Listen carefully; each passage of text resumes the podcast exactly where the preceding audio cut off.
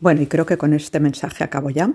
Eh, no conocía al autor y, encima lo que ha comentado Vicky de que salía en la portada cosas que te, que te remitían al libro de Alicia en el País de, las Maravillas, pues yo es que la verdad no me di ni cuenta.